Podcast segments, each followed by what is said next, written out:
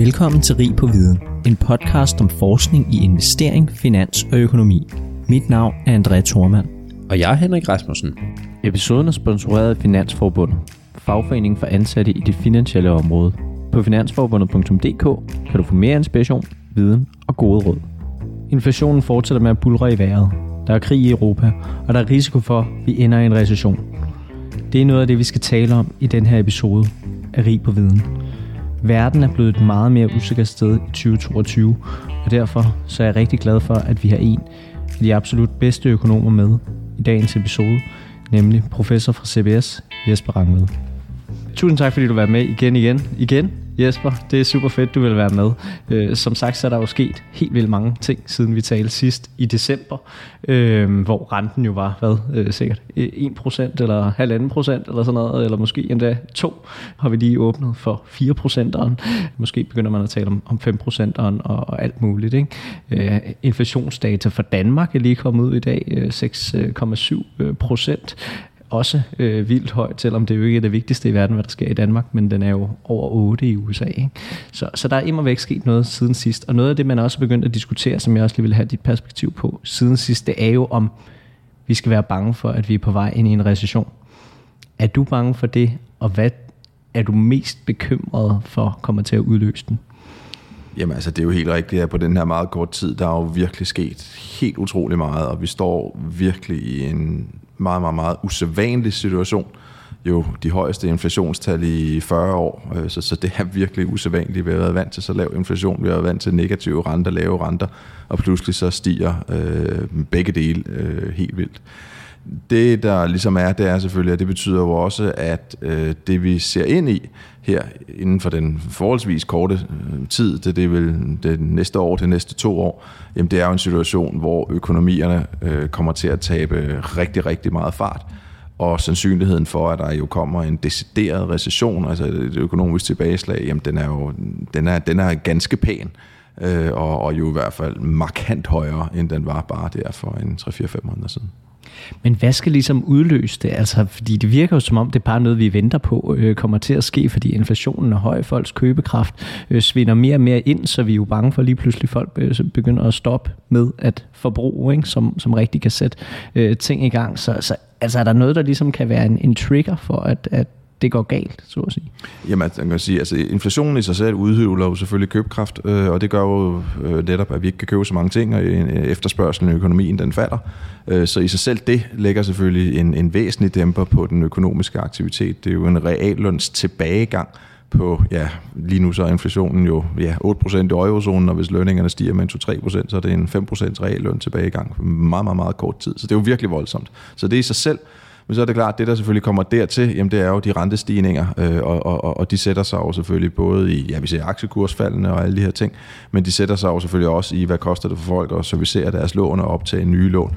Så, så de to ting til sammen jo, altså, altså den lave efterspørgsel på grund af øh, de høje øh, priser, og så jo det, der kommer fra, fra de stigende øh, omkostninger ved at have, ved at have gæld, øh, jamen det, det, det er jo virkelig det, der kan sætte sig i den økonomiske aktivitet. Så hvis man skal summe det ned, så hvis, eller når renterne kommer til at stige, også fra centralbanken, de går jo altid bagefter, renterne er jo stedet, ikke? Men, men når de kommer til at, at, at sætte dem op, så er det ligesom det, der kan være et hug ned. Altså er det... Jamen, du kan jo sige, altså, mener, de skal, centralbanker skal have inflationen ned. Det er jo det, det, er jo det, det der, det skal de bare. Mm. det er deres mål i verden, det er at få inflationen ned på de der 2%. Og den eneste måde, som, jo, det er jo så især i USA, ikke? vi er jo stadig lidt bagefter øh, her i Europa, men altså i USA, den eneste måde, de jo rigtig kan få inflationen ned på, det er jo ved at få, sat, få dæmpet den økonomiske aktivitet så meget, at inflationspresset det falder. Og, og, og det er jo meget muligt, at den eneste måde, man overhovedet kan få dæmpet inflationspresset på, jamen det er jo simpelthen ved at skabe økonomisk tilbagegang. Så man kan sige, det, det er muligt jo, at Fed bliver nødt til at skabe en inflation, øh, undskyld, en recession selvfølgelig, at Fed bliver nødt til at skabe en recession, for simpelthen at få øh, en inflationen under kontrol igen. Så, så det, det er jo ret vildt. Ja, fordi at det ligner jo ikke lige nu, at forbruget har tænkt sig at sløve af. Altså, forbrugertilliden er meget langt nede, men forbruget er jo tøjhøjt, ikke? Øh, og det er jo sådan meget øh, paradoxalt øh, på en eller anden måde, men der er jo noget genåbning og alt muligt, som, som jo også foregår, ikke? Men, men det jeg lidt tænker, det er, og så er det jo et spørgsmål, om man skal være optimistisk eller pessimistisk omkring det, men, men en af de ting, der vil kan forebygge, eller så at sige, at vi ikke får en inflation, det er jo noget af det, vi har talt om meget tidligere, at folk har en kæmpe opsparing. Øh, både gennem corona, men også fra før. Øh, lave renter, afdragsfrihed, hvad ved jeg. Folk har sparet mange penge op. Øh, kan det redde os fra en inflation eller fra en recession, øh, så at sige? Jo, men altså, det er jo det, der gør økonomi så spændende, ikke? Også det er, at der desværre ikke er noget, der er så lige til, ikke? Også, så, så man kan jo netop sige, jamen altså noget af det gode, det er jo netop, at underliggende økonomisk aktivitet, altså for 3-4 måneder siden, der troede vi jo, at 2022 skulle blive et rigtig, rigtig godt, rigtig godt økonomisk år med rigtig høj økonomisk vækst. Så, så, så den underliggende ligesom økonomiske kraft øh, og efterspørgsel er der jo. Og, og ikke mindst, og det er jo rigtig vigtigt at understrege, ikke? også arbejdsmarkedet har det jo rigtig godt, altså, og, og det understøtter jo også den økonomiske aktivitet, at vi alle sammen er i job, og vi kan få et job og alle de der ting. Så det understøtter jo den økonomiske Men samtidig er det jo også lige nøjagtigt det, der er problemet, at arbejdsmarkedet er så stramt, øh, at, at, at, at, at det, jo, det vil gøre, at, at vi vil jo også kræve højere lønninger, ikke også? Og vi ser, at lønpresset begynder at sætte sig, øh, give sig, hvad hedder det, altså stige, og dermed jo også inflationspresset bliver ved at være der. Så det er jo det, der ligesom er hele balladen et eller andet sted, det er, at der er enormt godt gang i økonomien. Når der er rigtig godt gang i økonomien, så stiger inflationspresset, og det vil jo sige, at den eneste måde, man ligesom kan få det inflationspres ned, det er ved at sætte en dæmper på økonomien. Ikke? Og, og det er jo den balance, der ligesom bare er, hvor Fed siger, om vi kan lave en softish, der er vist ikke rigtig, der ved, hvad det egentlig er, det betyder, men sådan en eller anden form for blød landing, ikke? Men, men det kan man måske ikke, fordi inflationspresset er så hårdt, så du bliver nødt til at lave en hård landing. Men, men er det, jeg hørte dig sige, så at vi er nødt til at få en recession for, for at inflation kan komme ned? Der er meget, der tyder på, at inflationspresset nu så er så ekstremt stærkt, at det eneste, der egentlig kan få det ned igen, det er en, en, en decideret øh, recession. Det er jo især i USA, men, men det begynder jo at ligne noget af det samme også i Europa med de dystre nyheder, øh, så, så lad os bevæge os øh, øh, lidt videre. Øh, fordi at når vi nu taler om, om inflationen og hvad, øh, hvad hedder det, centralbankerne øh, kan gøre, så ved jeg også, at du har en pointe omkring hvad for en inflation man bør holde øje med, om det er kerneinflationen eller den, den samlede inflation. Kan du ikke lige øh, give dit perspektiv på det? Jo, det, jeg kan i hvert fald prøve at give et perspektiv på det. Altså det man jo kan sige, det er jo, jeg har jo sådan været ret kritisk over for øh, både den europæiske centralbank og Fed at sige, de her way behind the curve, altså de, de har reageret alt for sent. Fed reagerer jo trods alt nu, men ECB har jo stadigvæk ikke rigtigt reageret, i hvert fald med renterne. Og hele argumentationen jo især for ECB, øh, jamen den har jo været, at jamen det her det er midlertidigt, og rigtig meget af den inflation, der er i Europa, den skyldes jo de høje energi- og fødevarepriser. Øh, og, og det vil sige, at når man tager energi og fødevare ud af, af inflationen, jamen så er inflationen jo ikke så høj i Europa. Og, og det kalder vi jo kerneinflationen, det er jo inflationen minus energi og, og, og fødevare. Og, og, og helt konkret, så er det jo sådan, at inflationen i eurozonens seneste tal, jamen det er jo 7,5 procent, og tager man energi og fødevare og tobak og alkohol ud, så er vi nede på 3,5 procent. Det er altså væsentligt lavere. Stadigvæk over 2 procent, men altså væsentligt lavere. Og det, det, det er ligesom argumentet fra ECB. Og det siger jeg så, jamen det er jeg ikke så glad for det argument, fordi selvfølgelig er det jo rigtigt, at ECB kan ikke skabe mere olie. Altså det siger ligesom, det er jo rigtigt nok. Men det, der jo er problemet, det er selvfølgelig, at selv olieprisstigninger, de spreder sig jo til, til andre dele øh, af, af, af erhvervslivet, som så begynder at sætte priserne op, og dermed skaber det inflation. Så det er sådan den ene, hvorfor jeg ikke er så glad for den meget stærke fokus på kerneinflationen. Og det andet, det er jo det her med, noget af den nyeste forskning, vi har set øh, fra, USA, det er, hvad skaber egentlig inflationsforventninger mm. hos husholdningerne. Og det er jo det, der er så centralt for, for, for det hele her, det er, hvad, hvad er det egentlig forventningerne til inflationen? Og der kan man sige, at, at det, kan man sige, det er måske ikke overraskende, men nu er vi faktisk en del forskning øh, på det, der siger, at noget af det, der skaber inflationsforventninger hos husholdninger, det er jo de priser, de møder rent faktisk nede i supermarkedet. Og når de tanker deres bil op, altså hvis det koster 16 kroner at købe en liter benzin, hvad det gjorde, da jeg købte min øh, benzin her i forgårs, i forhold til, at det kostede 12 kroner for et par måneder siden, jamen så tænker vi, alright, hele inflationen er super, super høj. Øh, fordi det er de priser, vi ser. Og så kan man sige, så er det jo ikke så godt, hvis centralbankerne siger, Nå, men så behøver jeg slet ikke tage stilling til benzinpriserne, tage dem ud af mit inflationsindeks, fordi det faktisk er dem, der ligefrem skaber inflationsforventningerne. Så det er ret farligt det her med, synes jeg i hvert fald, at fokusere så benhårdt på øh, kerneinflationen, som, som ECB har gjort i sin argumentation. Ja, altså man kan jo sige, energi bruger man jo i alle virksomheder, så det hører vi jo også fra dem alle sammen. Energipriserne stiger, øh, input cost inflation kalder de jo populært, det skal vi sende videre til forbrugeren. Ikke? Så, så vi ved jo også, at der er kommet prisstigninger igennem nu, men der kommer mange flere prisstigninger. Jamen, jeg er glad for, at du Øh, ser det på lige nøjagtigt den måde, ikke? Men, men det er jo det, ECB ikke har gjort. ECB har jo netop sagt, nej, det sker ikke. Det bliver ikke sendt videre. Mens jeg så har sagt, jo, det bliver sendt videre. Så jeg er selvfølgelig utrolig glad for, at nu sidder over for dig og siger, at du siger, at det er jo helt oplagt. Men det der simpelthen har det, der har været hele diskussionen gennem efteråret og foråret, hvor, øh, mellem ECB og, og, og, og nogle andre økonomer. Og hvordan er det, ECB forholder sig nu? Altså fordi jeg- kan ikke helt finde ud af faktisk, om de har tænkt sig at gøre noget eller ikke gøre noget. Jeg synes, der kommer sådan lidt varierende... Der kommer øh, meget meldinger. varierende signaler for øjeblikket. Altså, de, de har jo sagt, der er jo hvad har de sagt konkret? De har sagt konkret, at de udfaser opkøbs... De ligger jo stadig og køber masser af obligationer op for rigtig mange milliarder, men de udfaser opkøbsprogrammet i løbet af Q3 øh, i år. Det har de jo sagt, og det, det er jo en, en stramning et eller andet sted. Øh, Det er bare ikke en ny stramning, det øh, sagde de tidligere, men, men det gør de jo. Og så har de jo sagt, at de øh, begynder først at hæve renterne, efter de har udfaset øh, opkøbsprogrammet. Og det er der jo så rigtig meget spekulation om for øjeblikket, ikke også? Fordi, fordi man ser jo også nogle statements fra nogle af de ledende i ECB, jo, øh, som siger, at altså, det, det, nu må vi simpelthen gøre noget, nu er det jo for vildt det her. Ikke? Øh, og derfor så er spekulationerne omkring, at de begynder måske allerede der på deres julimøde at hæve renterne med 25 basispoint, og så tage den derfra. Ja, ja, og så selvfølgelig stadig være bagefter, fordi at Fed har hævet med... med jeg synes, de er bagefter procentpoint, Det er ikke? ingen- ingen tvivl Men det er de jo altid. Øh, altså, øh, Fed er bagefter, men ECB er altid med endnu mere bagefter. Er det ikke sådan meget, meget normalt for ECB? Jo, men det er jo lidt ærgerligt, ikke? At det er jo ærgerligt at være bagefter kurven, ikke? Fordi så betyder at du bliver nødt til at stramme endnu mere op, end hvis du havde fået været foran kurven. Så, så, så det er jo lidt ærgerligt. Ja, vi, det talte vi jo også om øh, sidst, kan man sige. Den sidste, jeg lige vil høre, inden vi går til, til nogle af de her øh, hvad hedder det, artikler, du har skrevet, det er i forhold til løninflationen. Fordi, ja, nu skal jeg ikke sige for meget, men øh, man vil jo gerne have mere i løn, når priserne stiger, fordi man gerne vil bevare sin velstand, man vil gerne have den samme købekraft osv. Men vi er jo ikke rigtig begyndt at se det endnu hvad, altså, er det bare fordi, vi går og venter på, at, øh, at folk tager handsken op? Eller hvad, hvad, hvad er det, der gør, at folk ligesom ikke går til øh, forhandlinger og siger, okay, der er 6, 7, 8 procents inflation, det skal vi selvfølgelig kompenseres for. Ja, man kan jo sige, altså, altså det, det er jo først nu, det egentlig sådan, øh, en eller anden årsag virkelig begynder at gå op for folk, at nu er der virkelig meget inflation. Det er jo først nu, vi ser for eksempel også fra det offentlige side, ikke kun i Danmark, men også i mange andre europæiske lande, sige, at vi må kompensere øh, dem, som det går rigtig hårdt ud over det her. Og, og på det samme måde sikkert med, med lønstigninger, okay, nu er det lønstigninger, øh, undskyld, undskyld, inflationen, nu er det inflationen, den er, den er kommet, så det er nok nu, vi begynder at se de her lønkrav. Øh, man gør det jo, det er jo svært at forudsige inflationen, og derfor har det nok ikke kommet nu, men altså, det ville da være meget, meget, meget, meget overraskende, hvis med så stramme arbejdsmarkeder, vi har i Danmark, øh, øh, øh arbejdsløsheden i eurozonen nede på 7%, det er jo det laveste, den også tidligere har været. Det ville jo være underligt, synes jeg simpelthen, hvis ikke vi begynder at se nogle, nogle, nogle krav om nogle stigninger og lønninger også.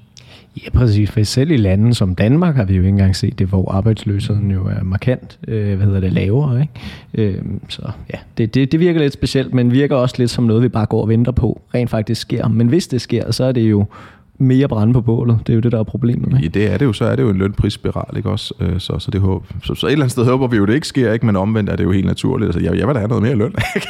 men, men, altså, men det er jo ikke sikkert, jeg får det. Men handler det så om for centralbanken at slå ned, inden det sker? Altså det er vel også det, der er lidt af problematikken i forhold til det Altså, her. lønprisspiral er jo noget af det værste. Ikke? Det er jo virkelig noget af det værste. Ikke? Så derfor skal man så ned. Og der kan man jo sige, i hvert fald i forhold til 70'erne for eksempel, ikke? så der havde vi jo deciderede dyrtidsreguleringer, altså automatiske lønstigninger. Det var, det var frygteligt simpelthen, fordi så var det virkelig svært at bekæmpe inflationen. Det har vi jo trods alt ikke i dag, men der gælder det jo så selvfølgelig om netop at, at få bremset det hele. Ja, men vi har dog i Danmark kompensationspakker og så videre, ikke? som en eller anden form øh, af, af regulering, hvor man kompenserer og kompenserer øh, for, for noget, der stiger i pris, ikke? Øh, i stedet for. Nå. Det var lige intro. Super interessant intro og mega aktuelt, og jeg tænker også, at vi lige afslutter med noget af det. Men, men du har jo skrevet de her to slash tre øh, artikler, fordi den ene er i to dele. Øh, og, øh, og den første, det er faktisk et stykke tid siden, du har skrevet den, og jeg har også hørt, du har været ude i andre medier øh, med den. Men det er det her omkring, øh, hvad, for, hvad for et rentespænd, man skal kigge på, og, og, og hvad hedder det, risikoen øh, for, for, for hvad hedder det, en, en recession i, i den forbindelse. Øh, fordi vi ved jo, at når øh, hvad hedder det, rentekurven inverterer, så plejer det at være en god øh, hvad hedder det, forecaster for en recession. Så kan du ikke lige prøve at fortælle lidt om, hvad er det, det her, den her artikel øh, handler om overordnet, og så kan jeg spørge lidt mere ind til det specifikt bagefter. Jo, Og den drejer sig jo netop om, om, om rentekurven og dens øh, forudsigelseskraft øh, over for fremtidige recessioner. Øh, det er så primært i USA, det er der, vi har de bedste data og alt det der. Det man kan sige, det er, at, at, at, at går vi ud, der er, der er jo ufattelig mange indikatorer derude, forbrugertillidsindeks, øh, PMI's og jeg ved ikke, hvad det hedder alle sammen, ikke også? Prøv at sige, hvad er egentlig den, noget af de bedste indikatorer, vi har? Og der må man sige, det er rentekurven. Det er simpelthen en af de bedste, i hvert fald historisk, har været en af de bedste forudsigelseskræfter. Og det, der jo sker, det er jo, øh, altså hvorfor er det så, at den er en god til at forudse recessioner? Jamen lad, lad os sige, at vi står midt i et økonomisk opsving. Altså vi står i en, i en ekspansion. Det går rigtig, rigtig godt i økonomien, og inflationspresset, det øh, tiltager. Sådan nok nogenlunde det som nu. det går rigtig godt i økonomien så øh, ved, på det tidspunkt, der vil typisk jo øh, rentekurven være stigende, altså at de lange renter er højere end de korte. Øh, centralbanken holder renten lav, men, men, men man forventer økonomisk aktivitet, så de lange renter de er højere. Så begynder centralbankerne jo at stramme øh, for netop at, at dæmpe den økonomiske aktivitet, dæmpe øh, inflationspresset, det vil sige, at de korte renter begynder at stige. Det flader jo så rentekurven ud. Når så ligesom man er, de korte renter er steget så meget, at finansmarkederne begynder at tro på, at nu lykkedes det rent faktisk at få dæmpet den økonomiske aktivitet og dæmpet inflationspresset, så begynder de lange renter jo stille og roligt at falde, fordi så forventer vi en lavere inflation fremover. Og når så vi ligesom er nået det punkt, hvor de korte renter de er kommet så meget op, at de vil dæmpe den økonomiske så meget, at inflationen begynder at falde, og de lange renter er faldet, jamen så er kurven jo inverteret. Men så er pointen netop også, at Fed eller at centralbanken har strammet pengepolitikken så meget netop, at der kommer en recession øh, down the road. Ikke? Så, så, så, så det er simpelthen øh, de mekanismer, som i hvert fald historisk har vist sig at være gældende, og det er altså en ret god indikator, må man simpelthen sige. Og hvordan er det, det ser ud øh, nu? Altså... Ja, og så er det jo så rigtig spændende, ikke også? Fordi altså, rentekurve, det er et eller andet med hel, ja, nogle korte renter og nogle lange renter, men der er jo rigtig mange korte renter, og der er rigtig mange lange renter derude, ikke? Og sådan som det ser ud lige nu, så er det jo sådan, at, og, og igen, vi snakker USA her, så er det jo sådan, at hvis du tager øh, den rigtig korte, korte rente, en 1 måneders rente, en 3 måneders rente, og måler den op mod en lang rente, en 10-årig eller en 30-årig, så er rentekurven jo rigtig stejl. Altså netop de pengepolitiske renter er jo ikke steget så meget nu, mens de lange renter de steder. Så der er den jo rigtig stejl. Og det vil sige, det indikerer ikke nogen recession. Men omvendt, hvis du så siger, en kort rente, det er også en toårig rente, og holder den op mod en lang rente, en 10-årig eller en 30-årig, så er den jo fuldstændig flad. Så det, der sådan er lidt spændende, og det jeg prøver at beskrive lidt, det er, at lige nu, så er det sådan lidt, hvad er det simpelthen for en rentekurve, du kigger på, ikke også? Øh, de sender to meget forskellige signaler, det plejer de faktisk ikke at gøre. De plejer faktisk at sende de samme signaler, øh, men lige nu, så er der altså meget, meget, meget divergerende øh, signaler. Og så ligesom for ligesom at konkludere her, så siger jamen når vi så kigger på det og måler det historisk og sådan noget, hvad for en rentekurve har ligesom været den bedste indikator, igen historisk naturligvis, jamen det er altså faktisk den, hvor man har en meget kort rente og en, en lang rente. Og det, den indikerer jo ikke noget recession lige nu, så perhaps this time is different. Ja, eller at, øh, eller at vi ikke skal være bange for en recession. Eller, vi, eller selvfølgelig, at vi netop får den der softest landing, så vi lige nøjagtigt slipper udenom det hele. Yes, yes, ja, ja. Men hvad er grunden til, at, at det måske ser lidt anderledes ud i dag, på den måde at forstå, at, at det måske bedre kan give mening at kigge på en toårig i stedet for en ja, det er jo igen, altså, som vi startede med at sige, centralbankerne er behind the curve. Ikke? Altså det er simpelthen centralbankerne behind the curve. Markedet har jo totalt indiskonteret, at der kommer de her ret kraftige rentestigninger fra Fed. Nu snakker vi netop USA. Ret kraftige rentestigninger fra Fed inden for det næste år, inden for det næste to år. Derfor er de to år jo allerede kommet derop. Men Fed er jo behind the curve, øh, og det er, de korte renter er jo, altså pengepolitiske renter er jo ikke rigtig, altså, de er begyndt at stige nu, ikke også, men, men, men, men jo derop. Så jeg, jeg vil sige, det er simpelthen det. Men, og det, det er også en lidt mere fundamentalt spørgsmål, fordi jeg er oprigtigt i tvivl er Fed ikke altid behind the curve? Nej. Eller plejer de at være foran? De, de, de, de, de plejer at være ret meget foran, men nu er vi sådan stille og roligt på vej ind i blok nummer to, fordi noget af det, som jeg beskriver i blok nummer to, som du sikkert skal introducere, ja, men der ja, kigger ja. jeg på 1970'erne, og en af de ting, der, ligesom, der skete i 70'erne, det var faktisk, øh, og også senere, men, men, men altså i 70'erne, det var, centralbanken strammede faktisk op præcis på det tidspunkt, inflationen begyndte at stige. Så, altså, så lige så snart de ser nogle tegn på inflationen, så begyndte de faktisk at hæve renten. Og, og pointen er jo netop, det er ikke det, vi har set nu. Ikke? Også, vi har haft stigende inflation gennem stort set et år, og det er først nu, de begynder at hæve renten. Så jeg vil sige, de er, de er mere behind the curve, end de øh, i hvert fald øh, nogle gange ellers er. Ja, fordi at, jeg tænker bare, at plejer man ikke at se, at jeg kan ikke, jeg kan ikke huske det, jeg har heller ikke studeret det, men, men, men plejer man ikke at se, at renterne, altså markedsrenterne reagerer før, at centralbankerne går ud og øh, hvad kan man sige, tager fat i markedet og, og hæver renterne, eller, eller plejer det at være sådan lidt, frem og tilbage. Lidt frem og tilbage. okay, okay, okay. Øh, det er måske bare sådan en øh, ja, saying, der går om, de er altid bagved, ikke? Jeg ved ikke, om du har hørt det. Jo, jo. Nej, ja, ja, altså, det, det, det, det, ja, men det, er ikke, det, det synes jeg faktisk ikke, man kan sige så kraftigt. Øh, så selvfølgelig er de lange renter jo altid en spejl af, hvad forventer man om de korte og alt det der, ikke også? Men hvornår ligesom ændringerne sker og i korrelationen med inflationen og alle de der ting, så, så, så vil jeg sige, de, de er lidt mere behind the curve den her gang. Okay. Okay. Ah, Jamen det, det, det, det er super interessant. Øh, så, så, så der er altså en grund til, at man ligesom måske hellere skal fokusere på den her to års som den korte, fordi at de er så ekstra meget øh, behind. Men er der så altså nogen grund til, at hvad kan så grunden være til, at vi ikke rigtig ser øh, et recessionssignal i øh, den her et måneders eller to måneders rente, øh, når den er så stejl? Altså hvorfor, hvorfor ligner de her to ting øh, ikke hinanden? Øh, Jamen det er jo bare fordi Fed ikke er begyndt at hæve det nu. Okay. Ikke? Altså, de er jo simpelthen ikke begyndt at hæve, eller nu, det er klart, nu hævede de så i sidste uge og alt det der, ikke også? Men, men altså, det, det er Fed jo simpelthen stadig, da jeg skrev bloggen, der var Fed stadig nede på de der 0,25, ikke også? Øh, så, så, så det, er jo, det er jo bare det, at, at ja. de er ikke begyndt endnu, ikke? Øh, og, og, og det, det, gør de jo, og det gør de jo så netop nu. Ja, ja. Men, okay. ja. Okay, okay. Nå, lad os gå hastigt øh, videre til dine, dine andre artikler her.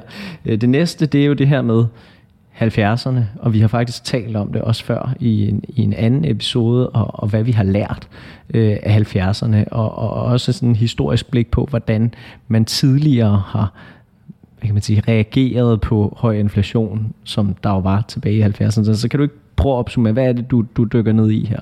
Jo, altså, jamen det, det, det vil jeg gerne, og det, det er jo det her med, jo, at, at, at det står jo rigtig mange steder, fordi det selvfølgelig er rigtigt. Der er jo den situation, vi står i i dag, har jo bare mange ligheder med 70'erne. Det må man bare sige. Først og fremmest selvfølgelig den meget, meget høje inflation, men jo også, at den jo delvis skyldes jo nogle høje råvarepriser, og at de høje råvarepriser, de skyldes øh, delvis noget krig. Altså, der var jo krig i 73 i Yom Kippur, ikke også? Og nu har vi jo desværre krig i, i Ukraine, som jo har ført til de her ting.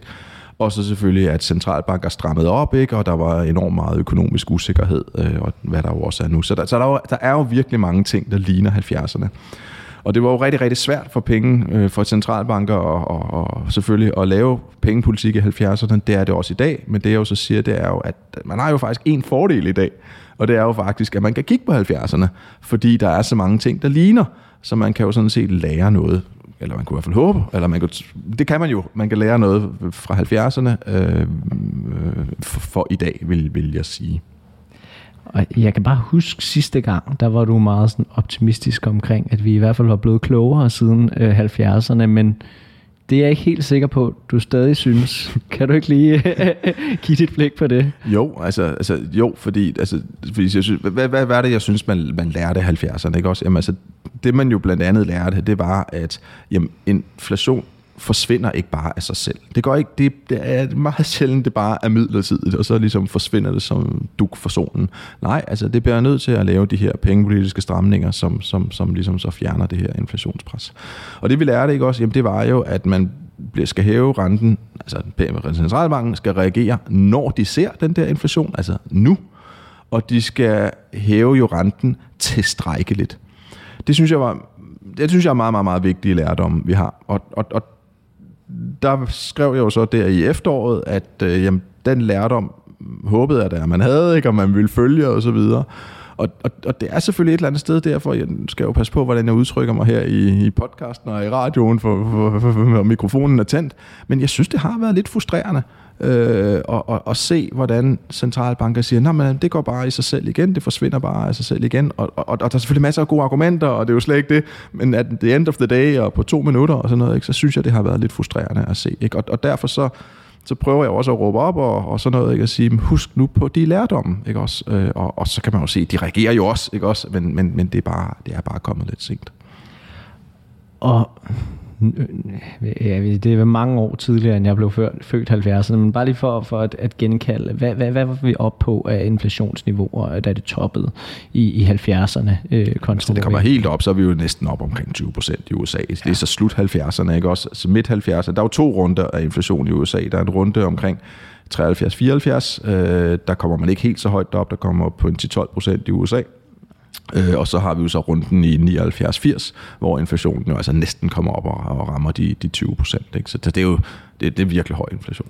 Ja, det er jo over dobbelt op af, af hvad vi ser øh, for nuværende. Jamen det er det. det. Det er nemlig over dobbelt op, men, men så kan man jo altid sige, hvordan man skal læse tal og alt det der ting. Så, så det er det. Så inflationen kommer jo, den var væsentligt højere dengang.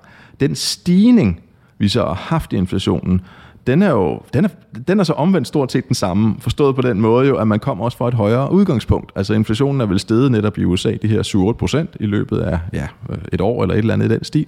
Og i 73, der steg den sådan set også med en 6-7-8 procent i løbet af, af et år. Så, så niveauet er helt sikkert højere, men det var, hvad skal man sige, bundniveauet også, eller hvordan man skal sige det. Så stigningen er faktisk øh, stort set den samme i dag, som vi oplevede i 70'erne, og det er jo også lidt skræmmende et eller andet sted. Men når du laver den sammenligning, er det så det, fordi du er nervøs for, at vi kan havne der?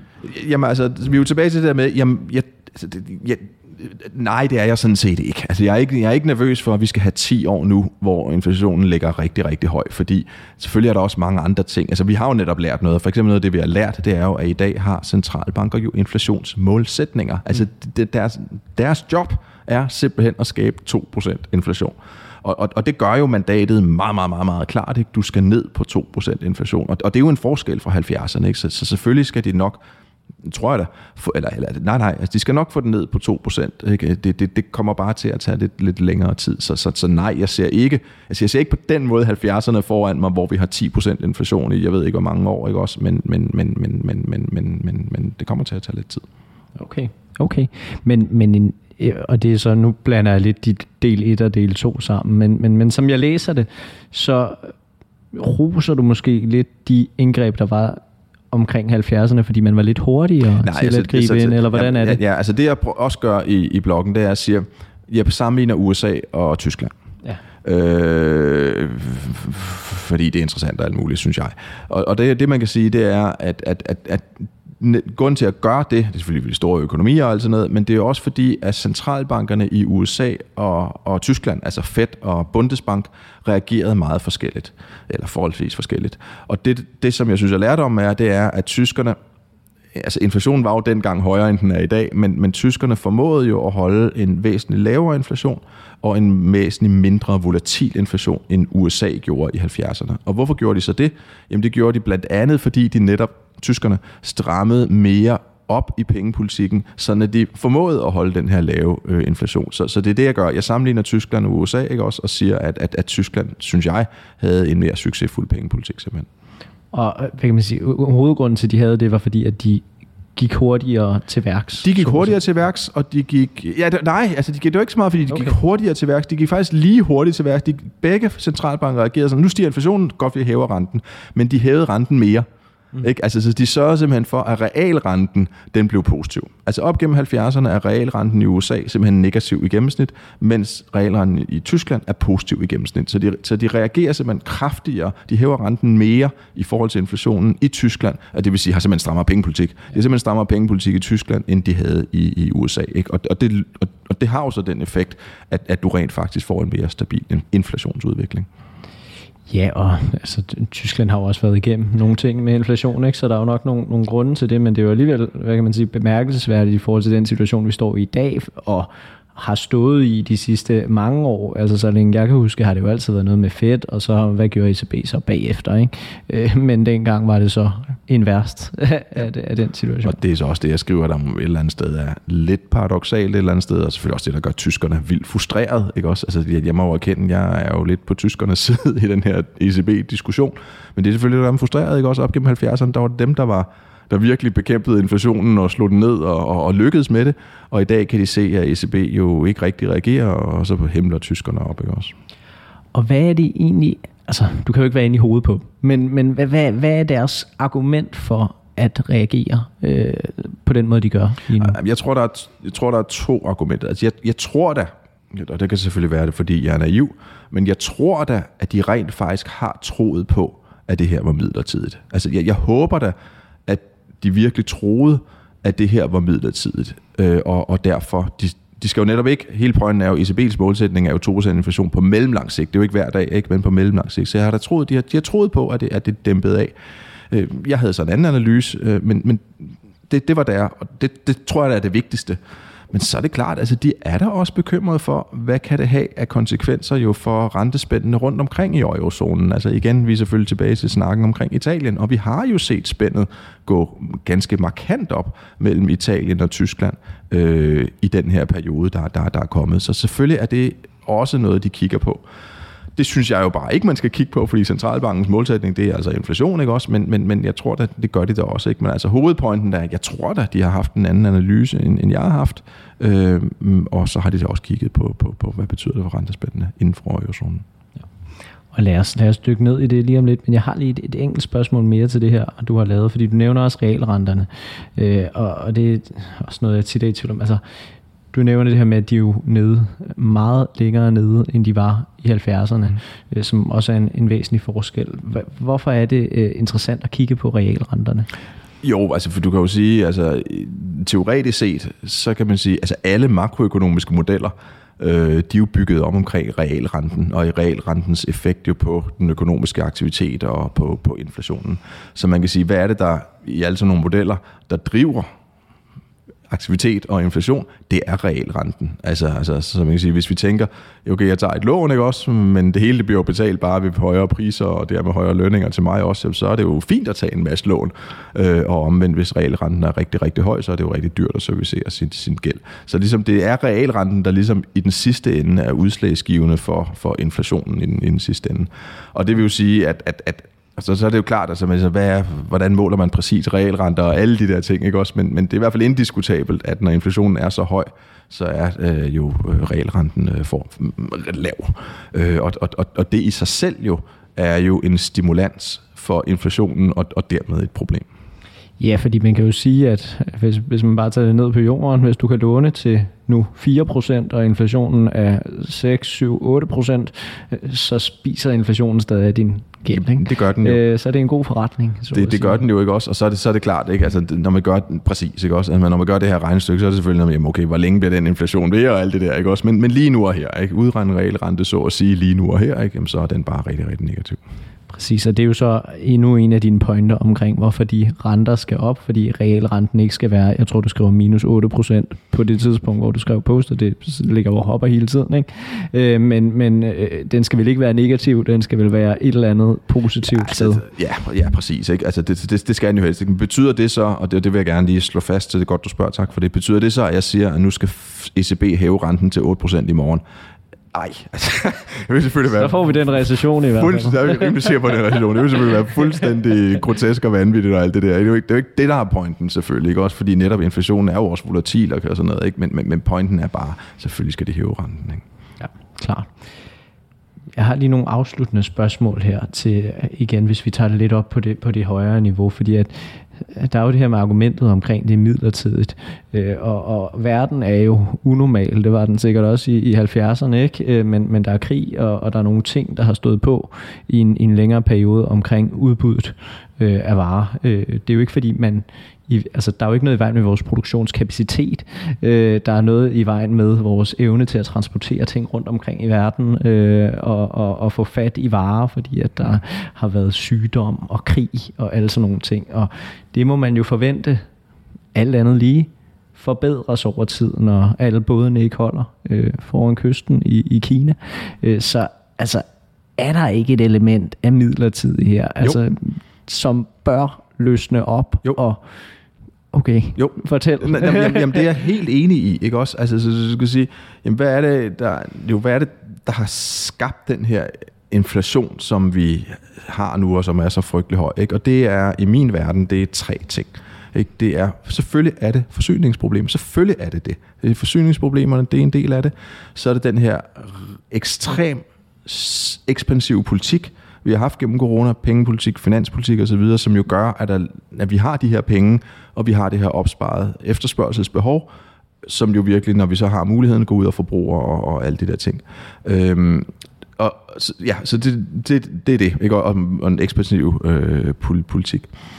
Og så kan man jo sige, jo, altså noget af det er jo midlertidigt. Der er jo ingen tvivl om, når, når begynder skibene begynder at kunne lægge til i havn igen og alt det der, så vil noget af det forsvinde. Det der jo ligesom bare er spørgsmålet, det er, er vi helt tilbage til normalen så, eller vil det skabe de her ringe i vandet?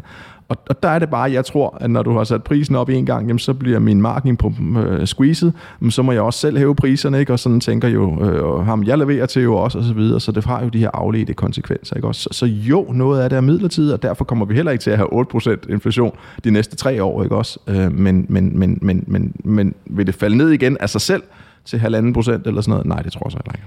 Altså pointen er jo, at når, hvad kan man sige, når, når bådene kan sejle frit, når de kan laste inde i, i Kina og så videre og sådan nogle ting.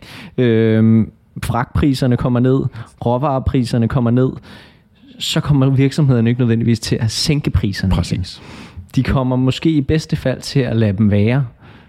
Måske stadig hæve dem lidt på baggrund af noget, der er sket tidligere. Ja, præcis. Ikke? Lige præcis. Øhm, så, så selv om der måske har været en ulige vægt i, at det der måske, og det ved jeg ikke, men, men det kunne godt være, at udbudschokket nok har været det største chok i forhold til efterspørgselschokket. Så selv når det udbudschok øh, forsvinder, så er det ikke sikkert, at vi kommer til, eller der er jo nok ikke særlig mange virksomheder, der kan lide at sænke priserne. Vel? Det, det, det er jo præcis det. Okay, okay. Det, det giver mening. Det næste ting, det er så øh, i forhold til øh, den inflation, øh, vi ser nu. Øh, nu begynder centralbankerne jo at røre lidt på sig, og men at, at de, de er lidt langsomme. Men altså skal vi se inflationen gå meget længere op, end, end her vi er? Eller hvad, hvad er dit perspektiv på, øh, på, på inflationen, som den ser ud i, i dag? Der er mange, der taler om, den har toppet, og jeg ved, det er svært at lave de her Det er selvfølgelig rigtig svært, alt det der, ikke også lige præcis. Det er selvfølgelig rigtig svært, og Ukraine betyder jo så utrolig meget, og det er jo netop helt umuligt at forudse alt det der. Men, men altså, det, der, der er jo en del af prisstigningen, som ikke er slået igennem endnu. Så altså, vi kan jo sagtens se inflationen komme en lille smule øh, højere op. For eksempel altså hele fødevaresituationen efter Ukraine, den er jo ikke slået slået igennem endnu faktisk, øh, hvad jo er ja, øh, skræmmende et eller andet sted. Øhm, så, så jeg tror da sagtens, vi kan se inflationen komme en lille smule, en lille, og jeg understreger her, en lille smule op, øh, indtil her de næste par måneder, hvor så tingene jo nok igen jo sandsynligvis vil begynde stille og roligt at, og flade ud, og også begynde stille og roligt at falde lidt dernede af. Ja, men der er vel også, der er vel også noget i, at i, jeg kan kun tale ud fra Danmark, ikke, selvom det ikke er det, det mest repræsentative land, men altså, der er vel et eller andet med, at vi ikke nødvendigvis har mærket hele prisstigningen endnu. Altså, øh, til dels er der nogle supermarkeder, som ligger og konkurrerer og gerne vil have noget trafik, ikke? Øh, men, men jeg følger meget med i bryggerier, for eksempel. De taler alle sammen om, at de vil hæve priserne mm, markant mere, mm, mm, end det de allerede har gjort. Præcis. Ikke kommet igennem endnu. Øh, og, og sådan er det jo for en række øh, føde- og drikkevareselskaber.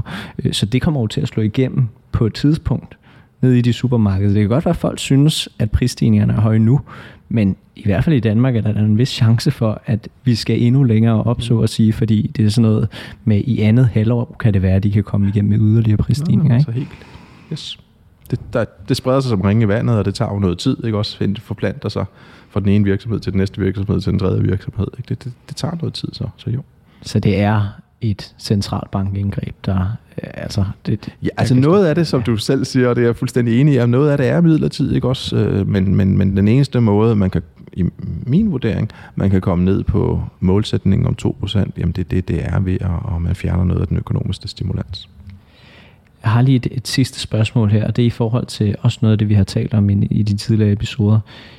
Gældsætningen i mm. USA jeg går ikke ud fra, at den har ændret så meget siden sidst. Der er sikkert bare kommet mere gæld. Øhm, og dermed fedt incitament til at hæve renterne så meget, som de måske burde.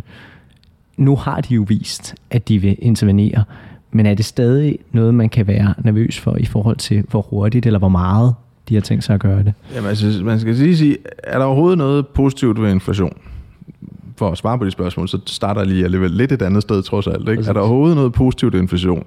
Ved inflation? Jamen, det er der jo faktisk, fordi det sænker Det synes jeg så, som gældstager. Præcis, ikke også som gældstager, ikke? Øh, og når vi går ud og måler, øh, lige præcis, ikke også? Altså som gældstager, ikke? Jamen, så øh, reducerer jo den reelle værdi af gælden, ikke? Så, altså, så, så gældsbyrden i USA, gældsbyrden i Italien, gældsbyrden hos os alle sammen, øh, bliver jo reduceret med, med høj inflation. Så, så det er jo sådan set, og vi har jo netop, præcis som du siger, ekstremt høj gældsætning øh, rigtig mange steder i verden. Så, så, så man kan sige, det hjælper det jo faktisk lidt på, den her høje inflation. Så kan man sige, så dit spørgsmål er jo så, vil centralbankerne hæve renten med, med, med al den her gæld? Og der synes jeg jo, man må sige, at, at, at altså, på den måde jo kado til Fed, øh, synes jeg faktisk ikke. Det har taget lang tid, alt det der. Lad os stoppe med den kritik nu. Men, men nu siger det jo virkelig, alright, vi strammer faktisk meget markant. Ikke også? Altså den hurtigste stramning igen, jeg ved ikke hvor mange år, alt det der. Ikke også? De strammer, jeg synes faktisk, de strammer faktisk pænt hårdt øh, og hæve med de der 50 basispunkter nu øh, de næste mange gange. Så, så, så, så jeg, synes, jeg, jeg ser egentlig ikke den fare. Man må jo bare sige, det, de tyder faktisk på at gøre det, de, de skal. ECB, lad os også igen stoppe med nu at pinsen slå på dem, ikke også? Det skal jeg holde op med. Men, men det er jo bare en anden diskussion. Fordi de har ikke reageret endnu. Ikke? Men er ECB's gældsætning er ikke lige så slem. Der er Italien. Ikke? De er bange for Italien. Ikke? De er bange for Ja, Italien. ja, de er bange for Italien. ja, ja, ja, det er klart. Så vi venter på dem og håber snart, at de har tænkt sig at gøre noget. Øhm, hvorfor er det egentlig, at fordi vi, der er lige et, et sidste spørgsmål, som trænger sig på, fordi vi alle sammen går og taler om, at det her kommer til at ske. Men lige så snart, og nu- nu sidder jeg selv tæt på aktiemarkedet til hverdag, lige så snart, at, at de begynder at røre på sig, om det skal være et halvt procentpoint, eller øh, hvad hedder det, 75 basispunkter, øh, eller ECB har tænkt sig at, at gøre noget, så får aktiemarkedet et ordentligt hug. har vi især, jeg ved ikke, hvordan, hvordan det ser ud lige nu, men, men, men de seneste dage, det har, det har virkelig været voldsomt. Altså, vi har jo vidst det her ja. i lang tid, og vi taler lidt om det, som det måske er noget positivt, fordi det er nødvendigt. Men hvorfor reagerer aktiemarkedet så voldsomt negativt på det her?